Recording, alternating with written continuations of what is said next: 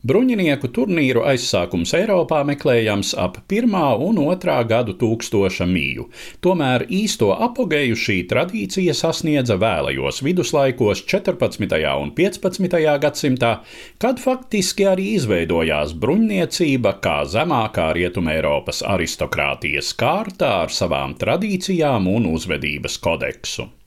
Turnīru disciplīnas šai laikā attālinājās no to pamatā bijušajiem karošanas paņēmieniem, kļūstot par sportiskām sacīkstēm. Par galveno turnīru elementu kļuva efektīgās divkaujas ar pīķiem zirga mugurā.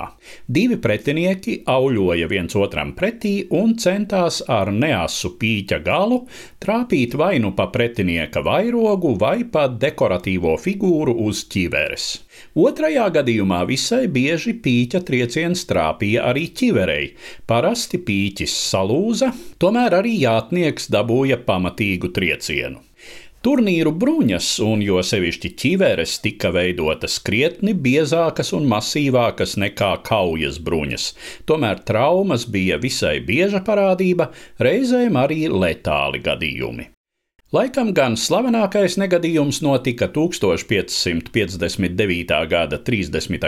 jūnijā, un tajā nāvējošu galvas traumu guva Francijas karalis Anrī II no Valois Angulēmas dinastijas.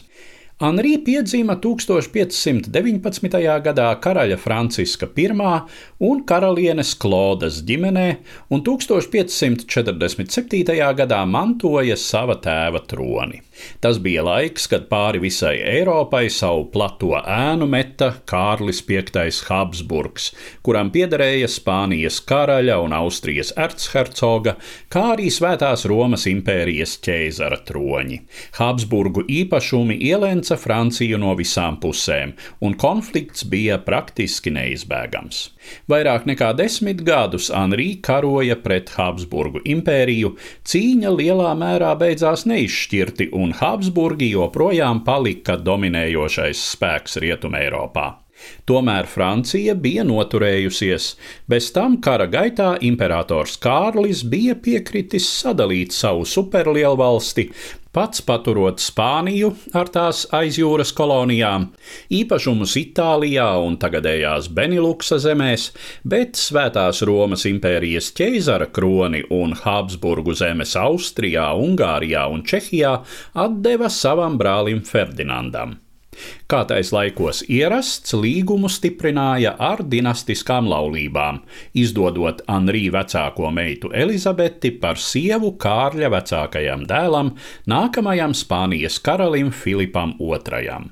Par godu mieram un precībām karalis Anrī sarīkoja Parīzē trīs dienas ilgu bruņinieku turnīru. Otrās dienas vakarā turnīra zirga seglos sēdās arī pats karalis.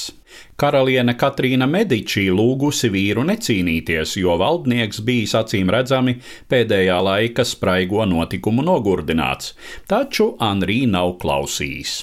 Divkaujā ar normandiešu grāfu Montgomeriju valdnieks pēc pretinieka pīķa trāpījuma tikko noturējies seglos, tātad zaudējis, taču pieprasīs revanšu.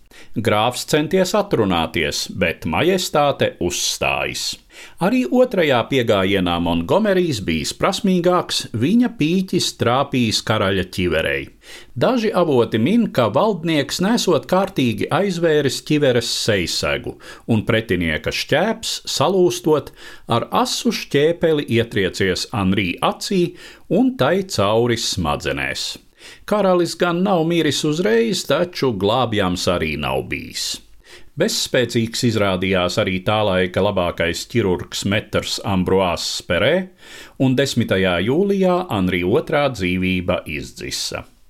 Pēc viņa nāves Francijā bruņinieku turnīri vairs netika rīkoti. Citur Eiropā tradīcija pastāvēja vēl vairākas desmitgades, taču līdz ar 16. gadsimta beigām, bruņniecībai zaudējot savu elitārās militārās kārtas lomu, šī tradīcija apsīka. Stāstīja Eduards Liniņš.